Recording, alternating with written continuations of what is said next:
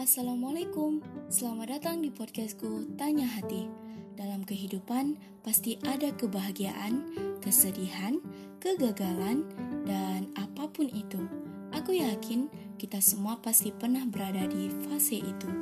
Dan setiap minggunya, insya Allah di podcast Tanya Hati ini akan mengobrol, bertukar saran, dan sedikit motivasi. Dan podcastku insya Allah akan mengajak kamu agar berpikir positif tentang apa pun itu.